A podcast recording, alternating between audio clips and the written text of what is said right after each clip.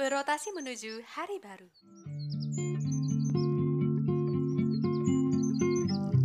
Sesaat lagi, kamu akan mendengarkan podcast Arunika.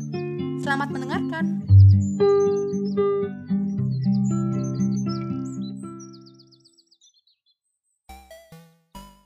Halo, gue Ari. Gua Gerald, Selamat datang di podcast serial pendidikan.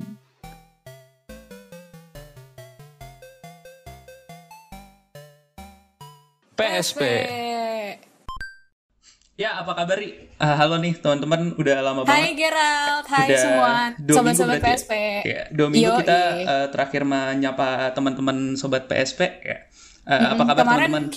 kemarin sama Jack kan Ya. eh, ngebahas tentang sejarah kaderisasi gitu. Tapi ntar kita reveal lah siapa nih pembicaranya gitu ya Ger. ya? Mhm. Kayak eh, mungkin aku mau na- eh, lihat dulu teman-teman eh, akhirnya udah mengalami lah perkuliahan online ya dua udah dua minggu Yoi. tiga minggu mungkin atau dua minggu ya Mm-mm. nah Terus kemarin abis ikut OSKM juga kan nih Ger ya? benar-benar kayak udah beres OSKM dan eh, sekarang kita bakal lanjut bahas nih tentang kayak gimana sih kalau kemarin udah kita bahas eh, sejarah kaderisasinya sekarang Ki, kita mau bahas tentang sebenarnya what it takes buat eh, melaksanakan program kaderisasi dan ya masalah-masalah yang ada di eh, masa pandemi ini gitu.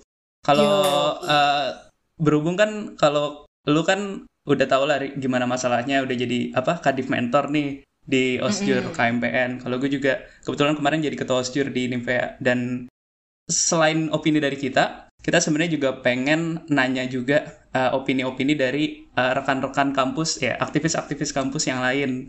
Nah, karena hal itu kita udah mendatangkan nih salah satu uh, Salah dua dong. salah dua, dua nih. waduh, salah dua dari uh, pelaku kaderisasi ya atau penggerak kaderisasi kampus lah. Wah. Ada pe- dari uh, penjaga gerbangnya langsung, which is uh, ada Karos di sini. Uh, juga Karo ada Sadi, ya. Yes, Karo Sadi. Sama ada pelaku kaderisasinya langsung yang baru fresh dari OSKM juga. Ada Obet di sini. Uh, dari Karo Sadi dulu mungkin mau kenalan sama Kenalan dulu kak, mau nggak? Oke. Halo, selamat siang teman-teman semua. Kenalin nama aku Rosadi Agung Nugraha. Biasa dipanggil Rosadi. Eh, dari Teknik Meteorologi 2016. Eh, kalau ditanya sebagai penjaga gerbang, bisa juga ya, Ger. Tapi eh, mungkin apa ya, kalau dari aku sendiri, eh, untuk urusan perkaderisasian ini, paling kalau ditanya track record atau latar belakang dulu waktu awal-awal juga pernah. Karena tadi lagi ngomongin KAT juga nih sama Obet.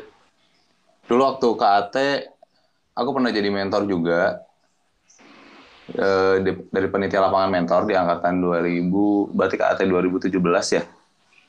Yes. Terus em, kalau misalnya di Kadwil itu sendiri, eh abis itu lanjut kan ke tingkat 2 terus ada pelaksanaan Kadwil buat anak-anak 2017-nya juga, ya benar. Dan waktu itu di Kadwil jadi Mamet, eh, Mamet Kadwil STTM, tapi staff aja. Oh, oke. Nanti tidak sehebat Ibu Obet, Bapak Obet, Terus kalau gitu sih. sekarang lagi jadi apa nih kak? Penjaga ger- gerbang tuh maksudnya jadi apa nih sekarang?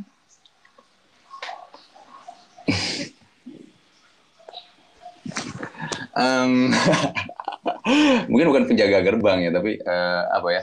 Eh, asisten penjaga gerbang. Penjaga gerbang, iya. Jadi eh, kalau sekarang aku lagi bantuin Jack, lagi bantuin Jack di PSDM. Jack sebagai Menko, aku sebagai wakil Menko-nya. Beuh, mantap. Oke. Terus next ke pembicara kedua kali ya Ger ya? Gimana nih? Eh, teman ngobrol kita kedua ada Obet. Mangga Bet. Oke, halo teman-teman semua. Eh, jadi eh, tadi kalau tadi Karo Sadi itu lebih lama ya pengalamannya lebih panjang. Kalau aku enggak sih, aku juga baru gitu kan. Em, tadi kalau kata Gerald pelaku kaderisasi, nah iya sebenarnya yang dimaksud pelaku kaderisasi mungkin ya. Aku tuh em, kalau aku sebenarnya mungkin dari eh, Katwil STTM di Katwil itu aku jadi kadif materi dan metodenya gitu itu yang rancang-rancang kaderisasinya kan sampai juga sekarang baru banget selesai gitu em, ikut juga nih dalam serta gitu em, staff Mamet OSKM materi dan metode OSKM jadi kayak Oh. ngebantu-bantu di kaderisasi terutama di masa-masa sekarang nih ya pandemi gini gitu kebanyakan gitu sih Tadi kayaknya Obet belum kenalan nih.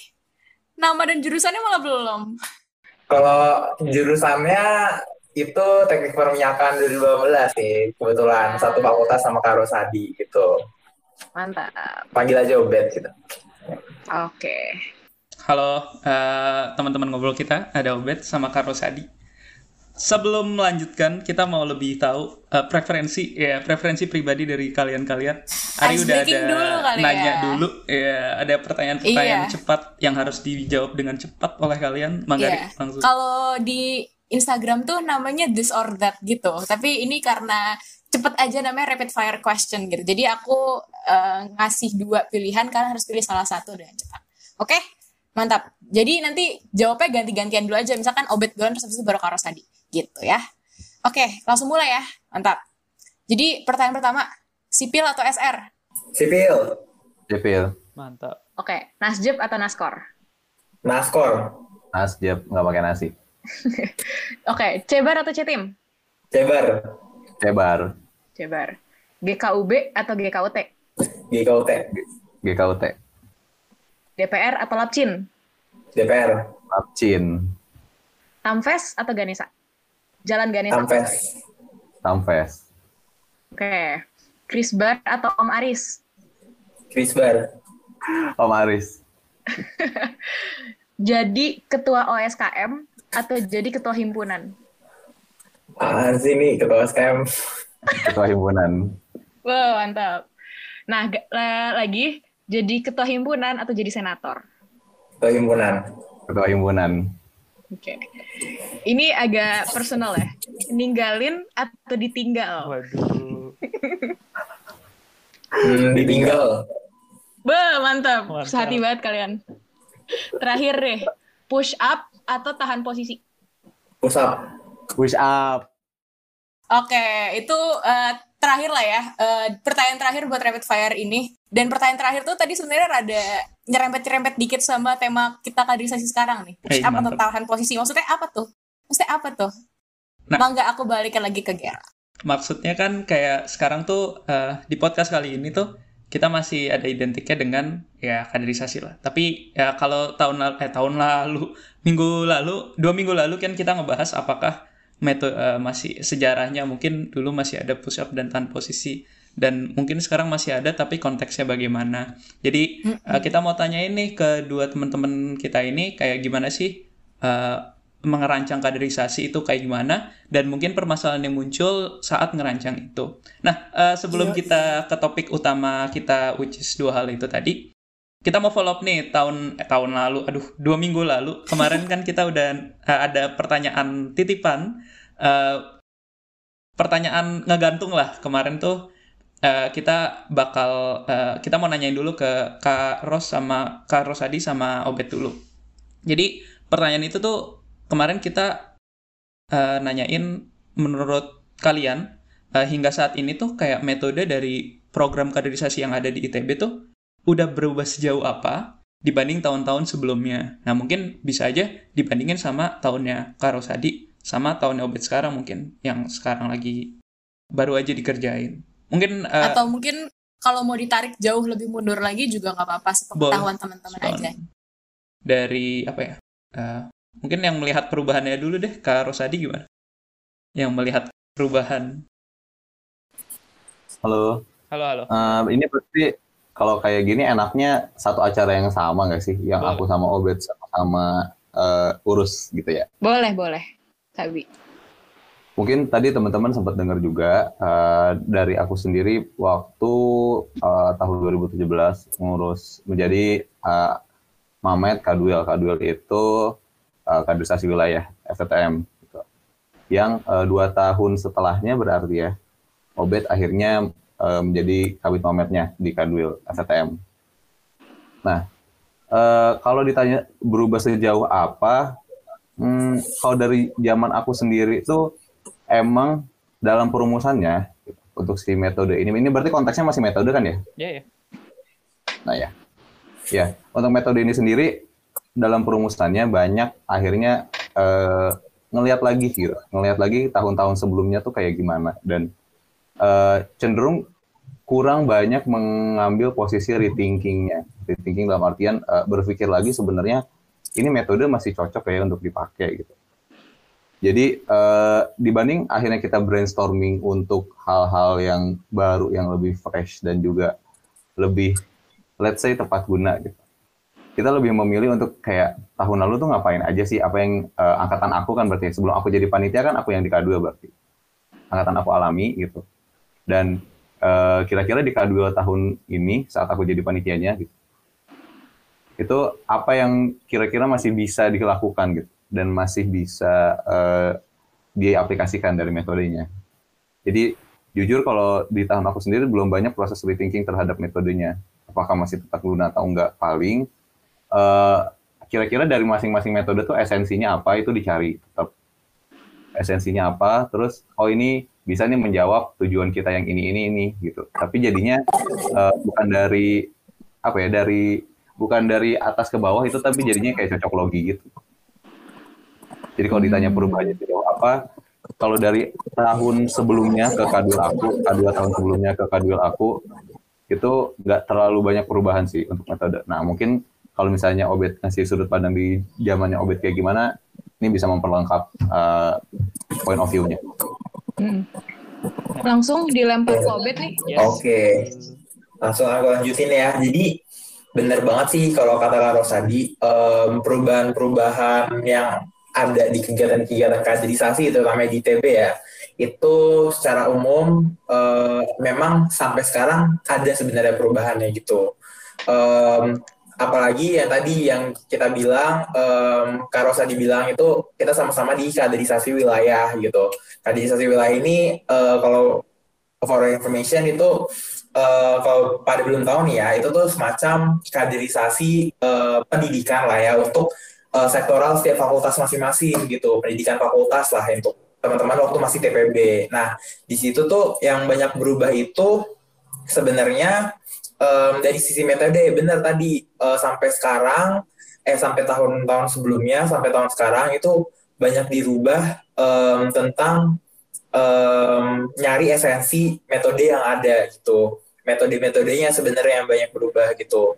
Kayak mulai dari esensi uh, emang esensi buat um, disuruh A itu apa, esensi disuruh B itu buat apa. Itu gak cuman um, yang mikirin itu yang ikut kaderisasinya, tapi yang terancang kaderisasinya juga harus mikirin gitu dari awal. Sampai um, sekarang nih masa pandemi sekarang gitu kan um, masih ada nih kaderisasi-kaderisasi di TB gitu kan karena memang harus tetap jalan gitu kan kaderisasi kalau teman-teman yang belum tahu gitu um, buat penerus juga gitu kan itu banyak berubah juga dari sisi metodenya. Metodenya itu uh, disesuaikan dengan kondisi zaman sekarang. Kita kita kita semua pandemi itu remote gitu kan.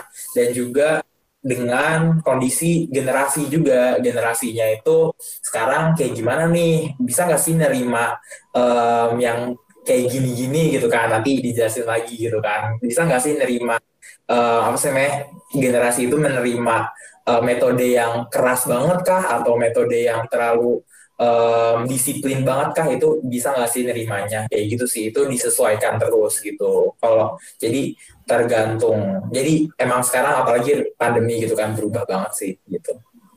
Nah, uh, menurut lu Bet nyambung tadi, apakah yang udah dilakukan uh, kemarin lu di Karis Wilayah atau mungkin obat kan juga di OSKM itu udah relevan belum dengan zaman sekarang dan juga generasi sekarang juga gitu?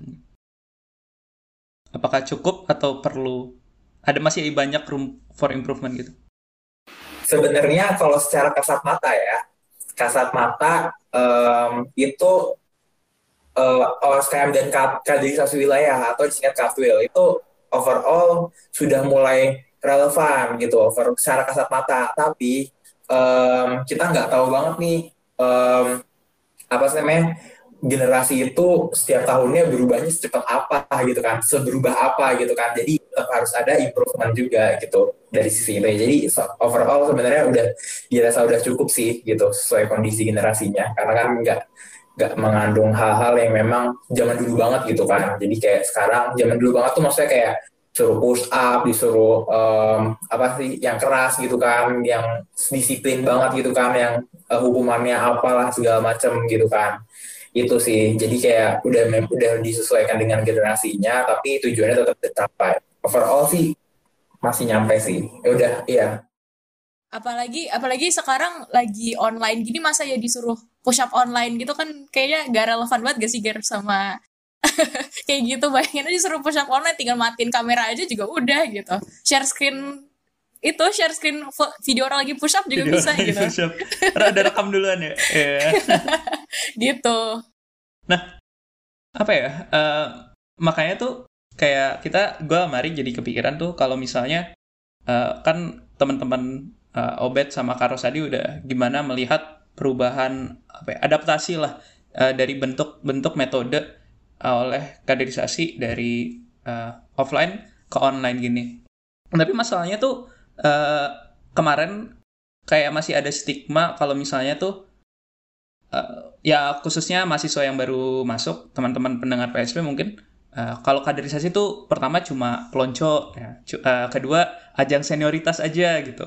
Uh, Padahal mungkin kalian lebih tahu kayak ngerancang kaderisasi itu nggak sekedar cuma oh karena gue lebih senior karena gue mau pelonco orang gitu. Nah atau pembalasan dendam gitu kan kayak orang-orang kayak gitu. Iya soalnya kan kemarin tuh kalau kalian lihat tuh ada ya yang sempat viral juga lah di di Twitter dan yang nggak cuma di Twitter bukan dibahas di berita nasional di gitu. mana-mana. Iya. Uh, beberapa uh, apa ya video-video yang menunjukkan tuh uh, ya pelonco dan hal-hal yang ya masih dianggap pelonco itu masih dilestarikan di beberapa kampus di Indonesia gitu. Nah, kira-kira menanggapi uh, fenomena yaitu stigma dan generalisasi ospek atau kaderisasi yang uh, muncul lagi nih topiknya, uh, menurut kalian gimana? Dari Karosadi mungkin, Hah, mangga. Oke, okay. sip sip. Uh, dari aku sendiri sebenarnya ini sih. Pertama aku mau meluruskan dulu beberapa hal.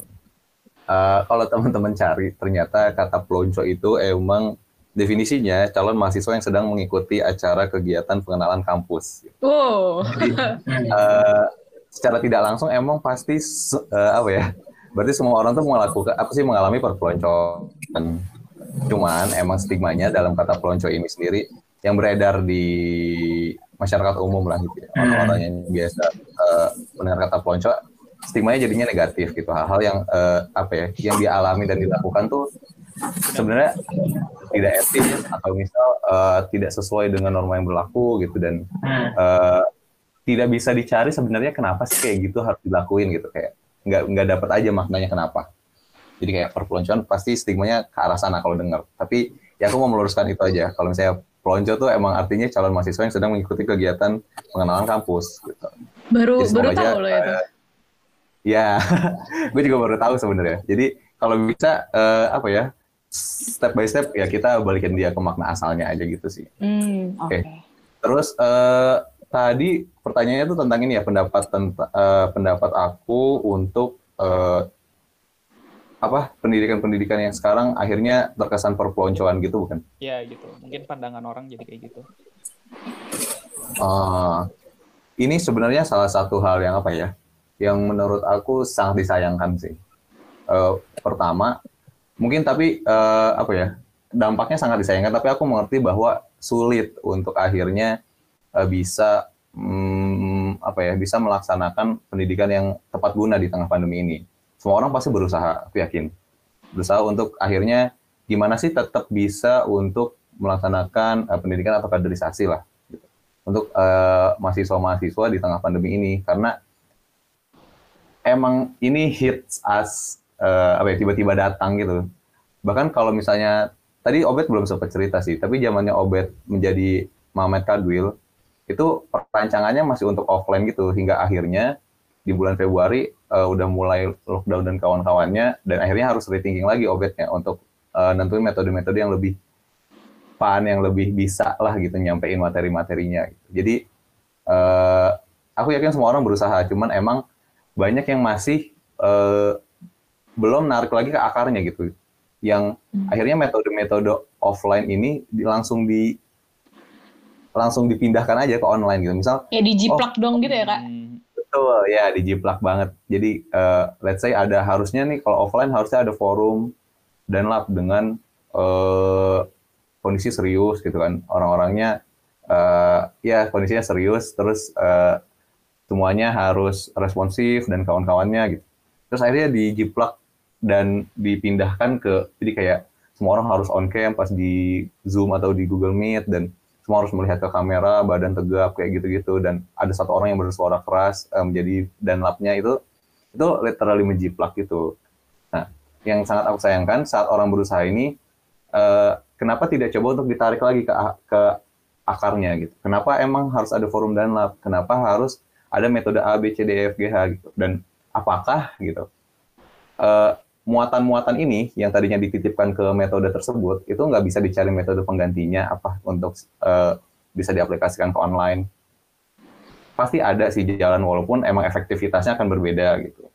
Tapi ya itulah kita harusnya kita emang bisa beradaptasi untuk bisa memilih mana yang baik untuk dilakukan dan tidak baik untuk dilakukan gitu sih. Ngerti. Jadi ya, aku sangat menyayangkan aja, tapi ya aku yakin semua orang berusaha sih untuk untuk tetap bisa melakukan pendidikan di tengah pandemi ini.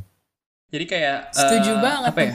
Menurut ya aku setuju kalau tadi poinnya di mana kadang kesalahannya tuh mau ngeimplementasi dari offline ke online udah langsung copy paste aja gitu ke Hmm. online-nya padahal eh, kayak eh, Obet sama Kak Rosadi udah cerita eh, ada perlu rethinking lagi tentang metode-metode yang bisa dilaksanakan di online gitu ya. Betul. Keren-keren. Kalau dari Obet sendiri gimana tentang apa Mungkin ya? Eh, eh, gimana kalau dari aku kayaknya Obit ini deh jawab pertanyaannya tuh lebih kayak gimana sih dulu proses pencarian dari Ah, boleh. online eh dari offline ke online-nya itu kayak mencari metode tambahan atau mungkin kalau kata Kak Rosadi menarik lagi ke akarnya waktu itu ceritain prosesnya kayak gimana dong benar-benar. gitu. Oke. Sampai cerita.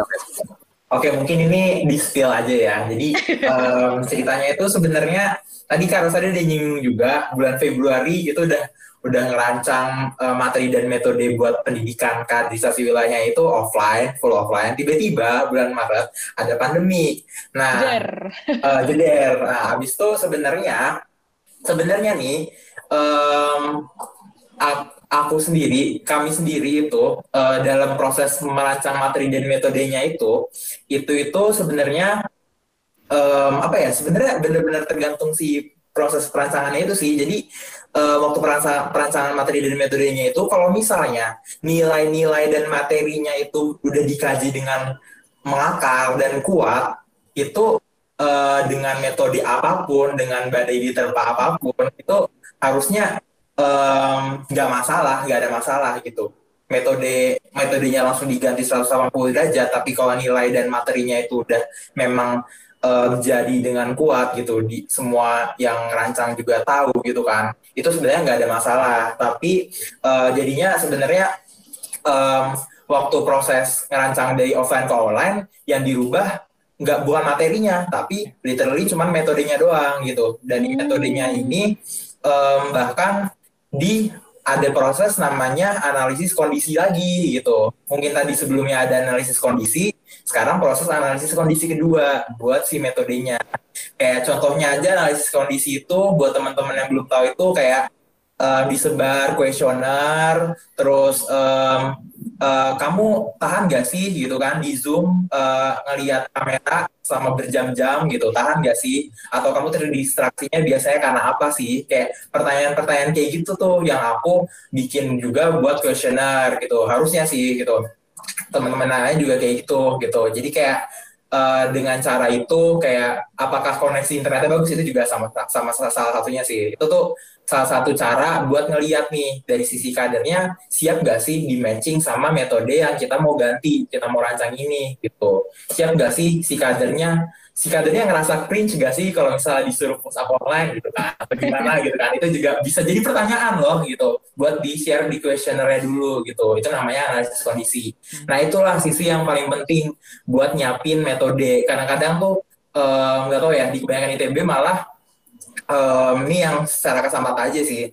Uh, analisis kondisinya itu bukan ke metode tapi malah ke langsung ke profilnya gitu. Jadi dia langsung ngeliat kayak oh dia nggak bisa nih ya. Separah banget gitu kan dia dia nggak bisa tapi pencara penyampaiannya juga harus um, dianalisis kondisi juga, ditanyain, dicari tahu dulu gitu. Dia cocoknya cara penyampaiannya kayak gimana ya, gitu kan. Jadi gak, makanya waktu di kaderisasi wilayah itu aku nggak, aku langsung benar-benar um, karena kami terburu-buru juga gitu kan, dan segala macamnya, kami nggak, kami menghapus metode-metode um, yang uh, tidak mungkin tidak ya bahaya juga sih gitu. Kayak aneh hmm. juga gitu. Mungkin terkesannya dan mereka uh, baru juga kan gitu kan merasain kaderisasi online uh, dihapus tuh metodenya gitu kan.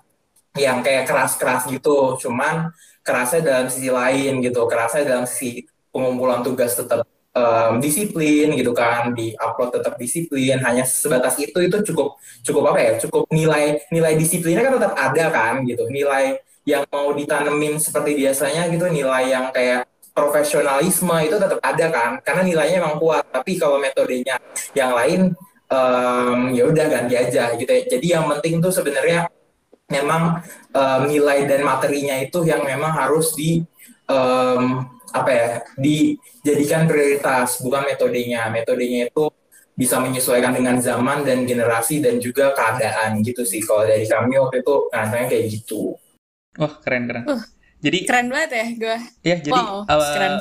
mungkin ya uh, ini dari uh, kasat mata aja. Mungkin yang di oh, diperagakan oleh teman-teman yang eh atau kampus-kampus uh, yang masih melestarikan metode itu mungkin karena sebatas uh, ya udah metode ini tetap harus ada gitu mungkin. Mungkin kesalahan di apa ya pelaksanaan pandemi apa ya mengadaptasi dengan pandemi itu kadang ada beberapa metode yang mungkin dipaksakan ada padahal mungkin materinya uh, benar kata Obet bisa disampaikan dengan metode yang lain gitu.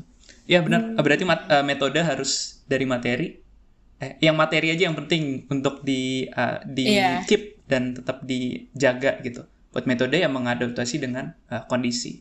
Nah kalau di ITB sendiri tuh uh, stigma itu mungkin muncul tapi nggak lama reda karena ngelihat OSKM kemarin gitu. Mungkin kayak apa ya uh, apa ya uh, dengan pelaksanaan OSKM kemarin oh ternyata nggak kayak yang di TV-TV kok ya atau yang, yang diceritain, gitu. ya gitu.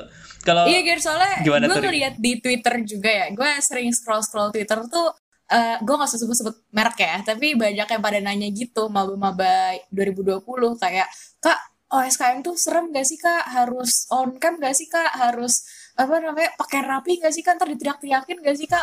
Lili gitu dan kayak apa ya untuk mahasiswa baru tuh kayaknya penerimaan atau acara ospek itu tuh sesuatu yang sangat menakutkan gitu. Dan buktinya ketika kita kemarin sudah melihat OSKM kemarin berjalan seperti apa ada hihi bahkan eh, ketemu apa uh, Najwa Shihab terus ketemu pembicara-pembicara yang keren itu pengen tahu sih apakah itu sudah dipatahkan stigma seramnya itu atau gimana. Kalau gue pribadi sih ngeliatnya kayak wah keren banget gitu. Bahkan ketika online aja acaranya bisa sekeren ini gitu tapi kalau menurut kakak-kakak gimana dari Obet dulu kali yang suka nge-stok Twitter kali Iya, iya, iya, iya. Jadi uh, bener banget sih sebenarnya. Twitter itu, oh ya, for information, Twitter itu salah satu metode analisis kondisi juga ya. Betul. Dipakai juga. Ngeliat, ngeliat uh, apa anak-anak tuh kayak gimana responnya. Itu itu penting banget sih. Itu ya dipakai juga gitu. Jadi kayak emang sih benar banget uh, eh, OSKM. Kalau di OSKM-nya itu uh, sebenarnya ya uh, mungkin OSKM itu transformasinya nggak uh, tahu sih ini naik juga ke Karosadi nanti. Transformasi OSKM itu benar-benar konstan terus gitu, nggak langsung pandemi berubah gitu. Cuman memang dari dulu uh, konstan terus naik gitu transformasinya kayak dari dulu uh, mungkin uh, yang keras ada di OSKM tapi sekarang OSKM tahun lalu bahkan OSKM itu ya iya sama kayak um, ada seminar gitu kan yang memang insightful dan segala macamnya itu juga gitu.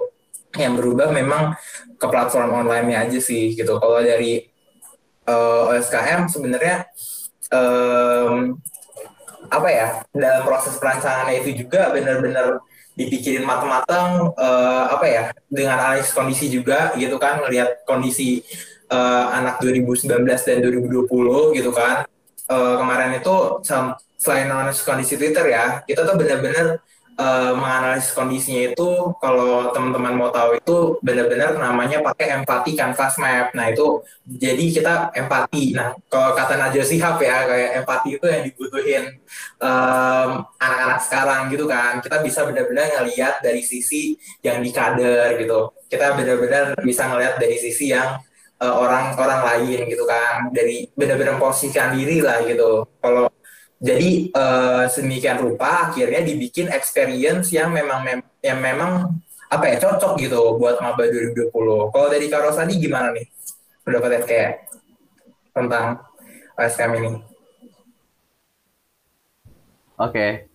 Iya, bener banget. Uh, jadi OSKM tahun ini salah satu yang menurut aku uh, apa ya paling bagus lah adaptasinya dari apa yang seharusnya offline ke online gitu. Teman-teman dari tim OSKM, eh tim KAT lebih tepatnya ya, uh, dari panitia KAT-nya itu sendiri banyak akhirnya berpikir apa ya yang bisa dilakukan di tengah online seperti ini gitu. Dan sebenarnya tantangannya juga nggak cuma online banyak banyak sebenarnya tantangan yang di apa ya diberikan kepada panitia KAT gitu. Entah itu termasuk ke penyatuan timeline dengan PMB PMB yang lain seperti SMP hmm. SD kawan-kawannya itu uh, aku merasa teman-teman panitia KT mengovercome masalah tersebut dengan baik. Terus untuk adaptasi dan uh, apa ya metode-metode yang dilakukan di OSKM memang setiap tahun berubah. Maksudnya setiap tahun selalu ada ruang untuk improvisasi untuk hal yang lebih baik lah. Dan tahun ini emang akhirnya karena online bener-bener di apa ya digenjot banget lah gitu si websitenya dan akhirnya juga apa ya bisa ada bisa penilaian bisa lewat EXP dan Gold gitu kan dengan akun-akun mereka yang ngelakuin quest dan kawan-kawannya itu lebih fun gitu karena kita emang melihat uh, bener kata Bella di empati itu menjadi hal yang penting dalam melaksanakan sebuah pendidikan karena kita harus melihat point of view dari si anaknya tuh kayak gimana saat menerima hal-hal yang kita berikan gitu. Dan salah satunya yaitu gitu. Dan aku cukup bangga dengan melihat oh ini keren nih ada gamenya juga, ada questnya juga, terus uh, banyak akhirnya metode-metode yang lebih yang lebih ja, anak zaman sekarang banget gitu. Dan ya itu keren sih, nice. Hmm. Apresiasi berarti ya Woy, buat mantap. OSKM tahun ini. Tepuk tangan online. Dan juga apresi uh, menurut gue juga bisa apresiasi buat OSKM OSKM tahun sebelumnya karena udah kayak benar kata Obit sih kayaknya progres gitu jadi uh, apa ya uh, metode ya bis lebih mudah gitu untuk karena progresnya udah dari tahun-tahun sebelumnya juga gitu iya nah uh, apa ya aku tapi di Twitter tuh atau di eh, ada masih ada yang komen lah kayak ah uh, kan mungkin maba nge-tweet kayak e, enggak kok SKM keren dan fun dan segala macam gitu. Tapi mungkin ada yang ngebales kayak haha kamu cuma baru sampai SKM gitu. Kayak masih banyak kaderisasi kaderisasi selanjutnya yang kamu akan hadapi gitu. Eh kayak misalnya osjur dan segala macam dan yang mungkin masih uh, di, terus ada dia lanjut dengan ngomong kayak oh ini uh, nyebut lah nyebut fakultas-fakultas atau jurusan-jurusan yang punya uh, kaderisasi dengan apa ya yang terkes yang terkenal keras gitu mungkin ya. Nah uh, menurut uh, Karosadi dan Obet apakah asumsi itu benar? Uh, kalau misalnya benar itu apa namanya kenapa yes ya karena kenapa apa ya? Uh, kenapa itu mungkin baik menurut kalian atau buruk menurut kalian kalau misalnya asumsi itu salah kok enggak kok itu cuma kata orang aja. Uh, kenapa sih mungkin orang bisa melebay-lebaykan berarti ya jatuhnya? Melebay-lebaykan dari uh, ospek atau yang kan, sebenarnya ya dari sebenarnya gitu. Mungkin dari Karasadia dulu deh yang udah pengalamannya lama. Tentang uh, progres dari metode kaderisasi dari maba sampai udah tingkat uh, berapa nih? Super eh super lagi. Apa sih super swasta mahaswasta mahaswasta mahaswasta Iya. Uh, tangga, uh, menurut aku tanggapan aku sendiri ya terhadap orang-orang yang akhirnya nge-point out yang tadi lah yang ngasih hmm. komen-komen bahwa ini OSKM tuh ya udah itu baru OSKM gitu kamu belum melihat uh, kaderisasi-kaderisasi lain di ITB seperti apa dan sekejam apalah dia bilang sekeras apa dan kawan-kawannya. Nah, uh, bis, uh, aku tidak bisa membenarkan atau menyalahkan gitu ya, karena pertama aku bukan mungkin mereka bisa mengatakan hal tersebut karena uh, sejauh ini mereka terprediksi akan melaksanakan pendidikan atau kaderisasi tersebut gitu. Dan mereka udah punya bayangan bahwa nanti yang akan aku lakukan atau yang mereka lakukan itu adalah A B C D E F G H gitu. Udah udah kebayang bakalan diapain nih maba-mabanya itu nah cuman yang harus di point out adalah uh, aku sendiri ngerasa kalau emang apa ya akhirnya seseorang bisa berkomen seperti itu itu adalah sebuah tindakan yang kurang dewasa karena uh, apa ya dari aku sendiri menurut aku itu komen yang tidak terlalu penting gitu. Kalau emang uh, tujuannya untuk menakut-nakuti maba atau untuk bi biar mereka waspada atau apa pun itu kayak ya udah itu bisa dilak uh, outputnya apa gitu outcome-nya apa dengan melakukan hal tersebut. Dan kalau emang temen uh, dari uh, pihak tersebut juga merasa oh kaderisasi aku ntar gak bakalan kayak OSKM yang fun. Dan kawan-kawan akan menjadi lebih serius lebih intensif dan kawan-kawannya ya kalau kayak gitu ya udah lakukan aja kalau emang bisa gitu. Pun dari aku sendiri merasa dengan melihat kondisi pandemi sekarang ya apalagi kita nggak bakalan benar-benar tahu kapan semua ini akan berakhir gitu. Bahkan ada yang bisa bilang prediksinya sampai 2022 Aduh. awal itu udah udah udah susah banget gitu. Kalau emang akhirnya uh, apa ya oknum-oknum tersebut merasa bisa melakukan hal-hal yang lebih intens yang lebih uh, tegas yang lebih uh, keras dan kawan-kawannya ya coba di rethinking lagi aja apakah emang bisa gitu di tengah-tengah pandemi yang masih belum tahu kapan kelarnya ini dan mengapa tidak coba untuk membuka ruang, membuka hati dan membuka pikiran untuk sudut pandang sudut pandang lain dari uh, apa yang udah dilakukan kaderisasi-kaderisasi lain. Kayak salah satu contohnya OSKM itu sendiri. Kenapa ada yang harus dipertahankan untuk tetap uh, menakutkan tadi yang dia bilang ya. Dan kenapa nggak coba untuk membuat suasananya menjadi lebih berbeda, yang lebih tepat guna? Dan kalau emang itu tepat guna kenapa kenapa nggak dilakukan gitu? Kenapa harus mempertahankan ego dan kawan-kawannya? Uh keren banget tuh barusan. Ngerti ngerti kak. Kalau dari uh, Obed sendiri gimana Obed tentang mungkin Obed nggak setuju dengan perkataannya Karos Ha, gitu. boleh. mau kayak aku gak setuju pokoknya harus serem. Atau kayak gimana gitu. Oh, eh, Kira-kira mungkin- gimana tuh? mungkin beda sih jawabannya. Mungkin konsentrasi jawaban aku beda gitu. Em, memang sih pandemi ini jadi susah kan di- menyulitkan kita untuk ada mungkin beberapa mungkin orang-orang mikir ya em, ah dulu kalau offline itu kita tuh bisa nih em, baris gitu kan baris di lapangan atau gimana gitu kan yang feel-nya gitu feel-nya dan kerasa nilainya kerasa pengalamannya experience-nya itu berbeda dengan di online ya kan. Mungkin banyak yang rasa kayak dan juga mungkin ada oknum-oknum tadi ini oknum ya kan oknum, Oknum. tadi. Oknum yang uh, Karosa dibilang itu uh, mungkin ngerasa kayak em, wah gimana nih gitu nilai-nilai feel-feel tadi experience-experience tadi itu nggak bisa kerasain gitu kan. Itu pemikiran yang salah. Tapi kalau misal oknum itu eh, karena kenapa aku bilang salah? Eh, karena ya harusnya mikirinnya nilai dan materi tadi gitu utamanya. Tapi kalau misal oknum itu eh, mikirnya eh, nilai dan materinya memang memang seperti itu karena kan kaderisasi itu fungsinya kita eh, pendidikan yang memang buat penerusan suatu organisasi kan. Contohnya OSKM buat KMITB gitu.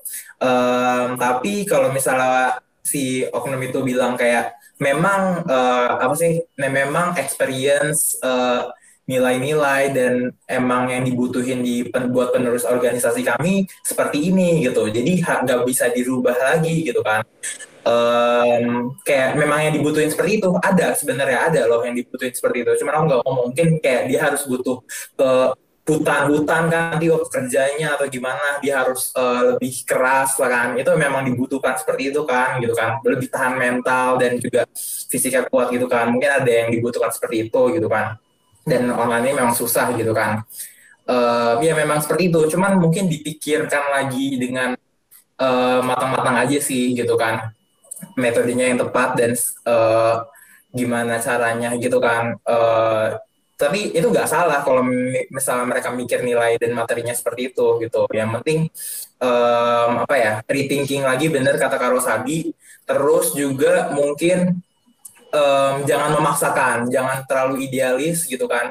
Jangan terlalu idealis membuat experience yang sama yang seperti yang kamu rasakan eh, seperti yang oknum itu rasakan sebelum-sebelumnya gitu. Karena itu bias aja sebenarnya. Harusnya kan em, dia bisa menyesuaikan experience baru aja terus gitu kan sesuai dengan kondisi yang penerusnya nanti gitu. Kalau dari aku sih gitu, mungkin eh, aku nggak tahu sih yang di pikiran oknum itu apa, tapi kalau misalnya dia memikirkan kalau nilai dan materinya memang organisasinya seperti itu ya nggak nggak salah juga. Cuman mungkin ya gimana ya gitu di kondisi seperti ini. Gitu sih. Ngerti ngerti bet.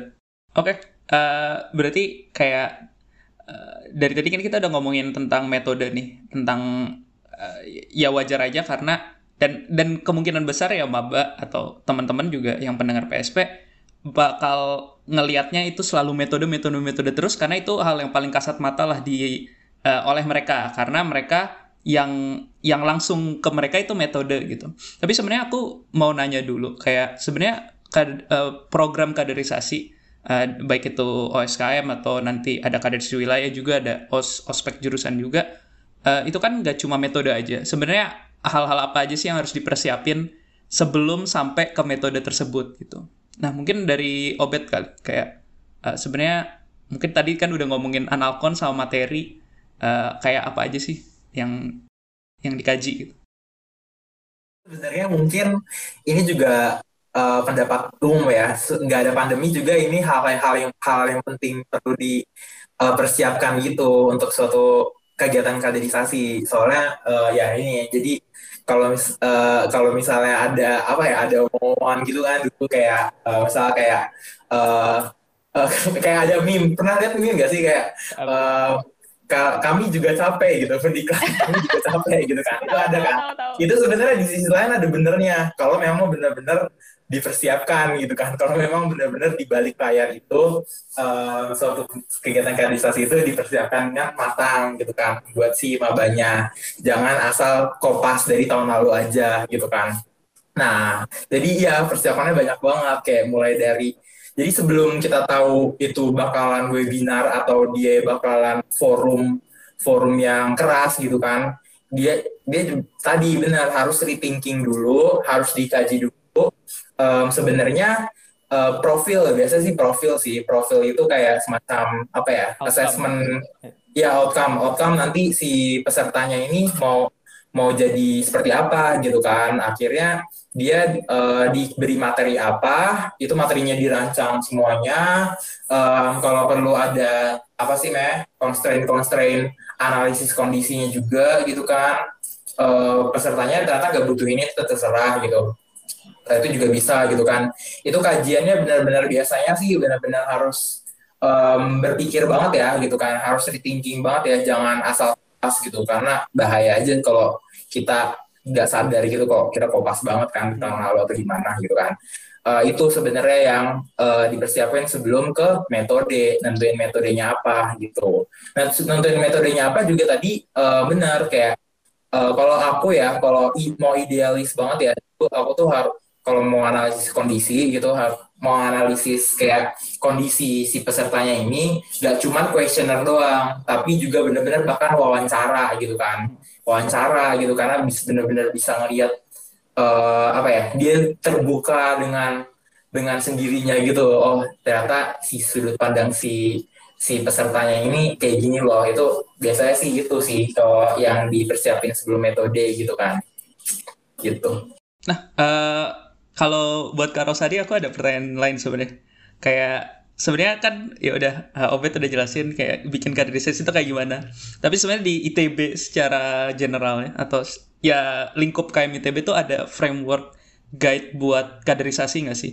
Ha- kayak gimana nya? Mungkin ada eh, dokumen atau apa? Mungkin Kak Rosadi bisa jelasin biar teman-teman juga tahu. Oke. Iya, eh, kalau misalnya eh, aku mau nanggepin yang Obet dulu ya, Boleh, baru ntar switchingnya ke Gerald, pertanyaan Gerald. Eh, bener, apa yang udah Obet bilang itu udah mencakup lah gambaran besarnya akan seperti apa. Eh, perancangan-perancangan kaderisasi yang ha- apa ya, yang harus dilakukan sebelum akhirnya teman-teman merasa matang dan siap untuk turun dan mendidik uh, calon-calon uh, kadernya. Cuman satu hal yang harus di point out adalah uh, harus ada kecakapan dalam teman-teman perancang kaderisasi gitu. Mana hal-hal yang akhirnya harus uh, saklek dan rigid dan mana hal-hal yang bisa adaptif dan fleksibel. Tadi Obet bilang uh, di awal-awal emang menentukan profil gitu, menentukan setidaknya kalau misalnya lebih tinggi lagi, ya tadi outcomes dari si anaknya tuh mau kayak gimana sih setelah mengalami kaderisasi. Gitu. Contohnya tadi uh, agak menyinggung yang masalah Twitter, tuh benar beberapa uh, adalah beberapa uh, beberapa pihak yang emang uh, outputnya tuh harus uh, saat menjadi apa ya saat menjadi setelah meninggal di kaderisasi tuh mereka emang di masa depan harus uh, punya fisik yang kuat punya yeah. Iya. uh, ketahanan mental yang uh, tangguh dan kawan-kawannya dan uh, itu benar itu sesuatu yang nggak bisa diubah karena emang udah jadi realitanya di lapangan kerja akan kayak gimana dan nah itu kan nggak bisa diubah tuh nah tapi uh, apa ya kecakapan kita dalam melaksanakan kaderisasi itu harus harus se inovatif dan kreatif itu. Dan seperti gimana akhirnya untuk outcomes outcome tersebut gitu tetap bisa disampaikan melalui metode-metode gitu. Ya diturunkan dulu lah pokoknya jadi materi terus dengan anak dan kawan-kawannya dan akhirnya ke metode yang emang tepat guna dengan si anak-anaknya gitu. Karena kalau udah makin ke bawah, makin ke bawah dari uh, alur berpikir lain, nanti aku aku bahas sedikit alur berpikir, makin ke bawah itu karena metode gitu-gitu, itu udah banyak variabel-variabel yang harus diperhitungkan, termasuk kondisi anak-anaknya yang dikader. Dan uh, aku melihatnya seperti contoh kasus yang tadi sempat didiskusikan di awal juga, yang akhirnya menyebabkan stigma-stigma perpeloncoan jadi negatif, itu karena kurang mempertimbangkan karena metode itu harus ada variabel si anaknya loh yang yang dimasukkan ke dalam uh, pengambilan keputusannya anaknya akan kayak gimana anaknya seperti apa dan saat dia menerima dia cocoknya diapain dia sukanya diapain gitu itu ada hal-hal yang harus kita masukkan untuk akhirnya bisa disusun metode yang tepat guna kayak gitu jadi uh, dalam merancang kaderisasi ini emang kecakapannya harus uh, bisa lah untuk uh, melihat mana hal-hal yang harus dipertahankan, mana hal-hal yang bisa berubah dan adaptif seiring perkembangan zaman. Okay. Nah, uh, terus kalau misalnya standar atau kayak uh, apa ya guidebook maybe untuk uh, kaderisasi se ITB, aku sendiri jujur belum nemu kecuali uh, apa ya yang secara umum di secara umum diaplikasikan ya paling dasar-dasar kaderisasi di ITB pasti akan merujuk ke RUK KM ITB Nah, Betul. cuman untuk best practice-nya, oh iya benar. RUK ini rancangan umum kaderisasi yang emang berisi profil-profil apa aja sih yang harus dimiliki dari setiap jenjang. Nah, kalau tahun-tahun kemarin, itu jenjangnya biasanya berdasarkan tingkat, tapi sekarang udah uh, setelah revisi dan baru disahkan di tahun ini, RUK ini uh, profil-profilnya dibuat uh, jenjangnya tidak lagi tingkat, tapi fase gitu, dengan mempertimbangkan bahwa ada beberapa periodisasi terutama dari UKM dan lembaga yang agak berbeda, UKM dan HMJ yang agak berbeda dan uh, akan lebih baik kalau dibuat fase gitu dibanding tingkat yang timelinenya uh, maksudnya timelinenya saklek. Gitu. Kalau fase kan berarti akan bergantung pada experience anaknya udah sejauh apa gitu. Kayak gitu. Nah, kalau misalnya best practice-nya sendiri uh, sejauh ini aku belum menemukan apa ya uh, semacam guidebook untuk menyusun kaderisasi yang pas gitu. Pasti uh, hampir setiap lembaga atau setiap pihak di dalam KMITB punya referensinya masing-masing gitu. Uh, terutama mungkin beberapa HMJ bahkan udah mengeluarkan gitu, uh, entah itu namanya GDK atau misal panduan-panduan kaderisasi dan nggak uh, semuanya, maksudnya nggak ada satu HMJ ngeluarin terus uh, ITB gitu, maka itu nggak nggak kayak gitu. Tapi uh, uniknya adalah dari masing-masing apa ya, uh, dari masing-masing pemikiran ini gitu, mereka yang mengeluarkan guidebook, mereka yang mengeluarkan dokumen uh, kaderisasi harusnya gimana dan best practice-nya gimana, itu menjadi sebuah apa ya, menjadi uh, jejaring pengetahuan gitu. Oh, kalau misalnya di lembaga lain tuh kayak gini loh kaderisasinya. Kalau kita mau gimana ya? Dan kawan-kawannya dan akhirnya uh, terkristalisasi gitu sebuah pengetahuan yang bisa uh, lebih baik terus menerus gitu dan ber, berimprovisasi terus menerus yeah. dan menjadi lebih baik ke depan-depannya. Nah, kalau emang kaderisasi secara umum emang nggak ada, cuman yang aku pengen coba sampaikan tuh ada untuk uh, jadi ini agak cerita sedikit ya. Yang harus teman-teman ketahui, salah satu kultur yang baik ada di dalam kaderisasi ITB itu pasti ada alur berpikir. Gitu. Ini nggak tahu kenapa, uh, kenapa akhirnya bisa terkristalisasikan. Kalau misalnya mau ngapa-ngapain gitu, uh, nggak cuma kaderisasi bahkan ya uh, acara-acara lain dan kawan-kawannya yang nggak ada hubungannya dengan kaderisasi itu pasti selalu ditanyain alur berpikirnya mana. Gitu.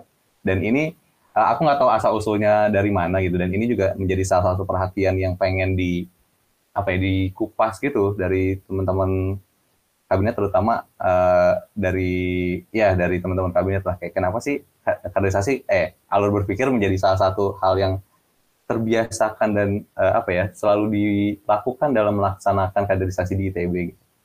Nah itu itu apa ya? Mungkin itu sih yang uh, menjadi uh, fundamental awal atau ya yang selalu ada di setiap kaderisasi di ITB itu apa? Itu menarik untuk si alur berpikir ini. Jadi pasti ntar teman-teman kalau mau melaksanakan kaderisasi akan bersinggungan dengan hal itu dan harus belajar juga. Masih. Hmm. Wah. Oke. Okay. Udah banyak banget tuh tadi kayak udah Obet bawa tentang kayak ada analkan, ada materi, ada materi juga nilai-nilai baru metode. Kak Rosadi juga bawa tentang ada kalau di KMITB keseluruhan mungkin ada frameworknya uh, yaitu rancangan umum kaderisasi uh, terus sama alur berpikir juga jadi kayak banyak banget hal yang uh, dirancang dulu sebelum kita sampai ke uh, metode yang mungkin uh, ujung-ujungnya tuh tip of the icebergnya istilahnya yang tampak mm. ke teman uh, peserta kaderisasi yaitu mungkin teman-teman pendengar itu ya cuma metodenya aja tapi kayak ini mah jadi kayak tips and trick mau menyusun kaderisasi Waduh, gitu ya kira? iya kayak apa aja yang harus dipelajari apa aja yang harus ada benchmarkingnya apa aja itu tem apa teman-teman PSP kalau tahun depan nih misal mau jadi yang anak FTTM mau jadi ketua Katwil atau bahkan mau jadi ketua OSKM sekalian mulai dari sini guys. Ya or at least buat teman-teman pendengar PSP yang TPB kalian jadi lebih ngerti kalau misalnya uh, buat peng, lebih mengerti pengkader-pengkader kalian kalau sebenarnya tuh uh, kaderisasi yang di ITB at least itu nggak cuma uh, berdasarkan senioritas dan berdasarkan ya hal-hal stigma-stigma yang ada di masyarakat gitu. Betul. Nah, apa ya? Um, aku mau tanya pengalaman aja deh dari terakhir oh, dari Obet sama Karosadi. Kalian menyadari kayak pentingnya kaderisasi atau urgensi dan esensi asik. Manfaat lah uh, kalau kaderisasi itu ternyata se kayak begini. Itu tuh pas kalian eh se uh, pas kalian mengikutinya atau baru nyadar tuh pas kalian menjadi uh, pelakunya. Pengkader. Ya, jadi yeah. dari pesertanya aja udah oh kebayang atau dari harus jadi pelakunya gitu. Mungkin dari uh, Obet aja dulu. Gimana, Bet? Oh, dari aku ya. Um, kalau dari aku ya, ini cerita aja sih sebenarnya kalau misalnya dulu tuh um, mungkin ini um, apa ya um, juga teman-teman ya sebenarnya disclaimer dulu ya teman-teman ini uh, yang ngedengerin ini wah keren banget pokoknya udah udah tahu banget lah ya uh, sebenarnya esensi di balik kaderisasi itu kalau teman-teman ngikutin nanti itu um, itu sebenarnya buat apa gitu kan akhirannya gimana dan segala macamnya jadi lebih paham lah ya sebenarnya um, tujuan teman-teman ngikutin kegiatan itu jadi ujungnya tuh di mana gitu kan. Harapannya sih sebenarnya kalau tidak aku itu tapi uh, dan juga nggak apa ya jadinya tahu gitu kayak apa yang dikasih kakaknya itu apa yang dikasih abang atau kakaknya itu nanti bakalan buat apa gitu sih. Harapannya uh, mungkin ini jadi tahu perspektif lain juga cuman tetap diikutin aja mungkin dengan teman-teman tahu tahu hal-hal yang tadi gitu beruntung juga nih teman-teman gitu kan Um, terus juga kalau aku dulu juga sebenarnya uh, aku udah tahu nih ngerancang kaderisasi itu dulu sebelum aku ikut kaderisasi kayak ospek jurusan gitu kan dan segala macamnya itu aku sebenarnya dulu sempat udah tahu duluan nih sebenarnya di balik proses perancangan materi dan metode itu kayak gimana. Nah dari situ sebenarnya aku malah uh, eh, dapat tahu oh iya ya sebenarnya ternyata uh, jadi aku kayak ada ikut kelas gitu kayak webinar gitu eh webinar seminar gitu yang kayak dia tuh kayak gini juga materinya persis gitu nggak nggak beda jauh gitu kayak podcast kita ini sharing sharing ya gitu kan. Uh, jadi dari situ malah uh, jadi sebelum aku ikut kaderisasi di situ aku ya udah ikut aja gitu aku dapetin sesuatu yang aku ekspektasikan sendiri. Kalau nggak dapet ya sedih gitu kan dan segala macam tapi kalau setelah aku tahu itu setelah aku tahu ini oh jadi tahu nih uh, sebenarnya ekspektasi kakak-kakaknya dan segala macamnya. Itu aku harus jadi kayak gimana ya ntar di kegiatan ini gitu kan. Jadi lebih lebih align aja sih dan lebih paham banget dan klik gitu sih dapetin uh, esensi kaderisasi dan um, dan segala macamnya gitu kan.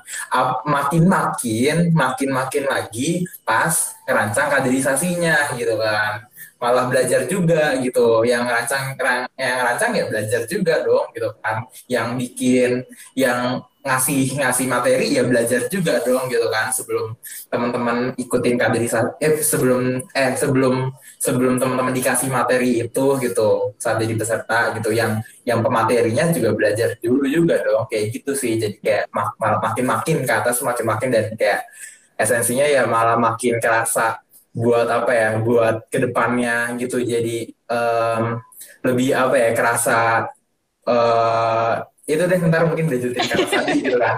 Ini kerasa lebih kayak um, dapetin apa ya dapetin hal-hal yang emang dibutuhin di masa depan.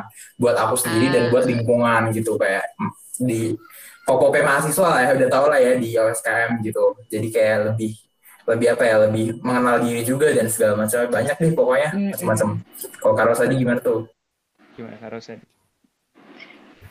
Uh, keren sih Obet uh, dengan jawabannya. Nah kalau dari aku sendiri aku baru uh, menyadari waktu aku akhirnya merayakan kaderisasi itu gitu. Uh, apa ya aku akhirnya men, uh, dulu pasti saat menjalani kaderisasi ngambil point of view-nya tidak se memikirkan itu nih panitia tuh sebenarnya uh, ngapain sih ngelakuin ini? Kenapa sih panitia ngelakuin ini dan kawan-kawannya aku lebih berfokus pada eh, kira-kira apa yang aku apa yang sebenarnya aku rasakan dan apa yang sebenarnya uh, teman-teman lain aku rasa yang teman-teman aku lainnya rasakan di saat melaksanakan eh saat mengalami kaderisasi tersebut. Jadi jujur aku baru ngeh banget oh ternyata urgensinya ke arah sini. Oh ternyata uh, pentingnya dan tujuannya ke arah sini setelah akhirnya menjadi pelaku kaderisasi itu sendiri.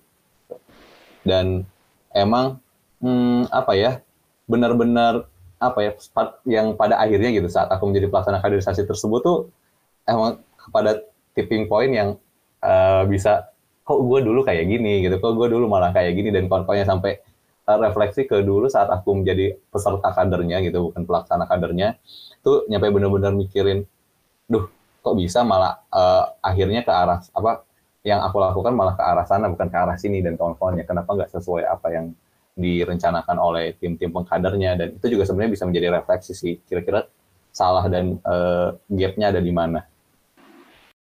Hmm. Berarti kalau misalkan gue bisa uh, apa ya merangkum atau ya kalau gue bisa merangkum, jadi kalau misalkan kalian menjadi peserta kaderisasi, jangan cuman ngelihat dari satu pandang doang tapi coba untuk lihat dari pandangan lain gitu supaya uh, mungkin kalian yang awalnya kayak rada kesel atau rada kayak nggak melihat poin dan esensi dari uh, acara kaderisasi ini bisa kayak lebih ngerti dan lebih kayak memahami gitu oh ternyata esensi dari kakak-kakaknya ngelakuin kayak gitu karena ABCDFG kayak terus mungkin tanya-tanya juga ke kating-kating kayak kak uh, ini kenapa kayak gini sih? Materinya kenapa kayak begini? dan segala macam gak ada salahnya kok nanya-nanya gitu ya kan? Betul banget. Kayak nanya-nanya tambah referensi juga gitu.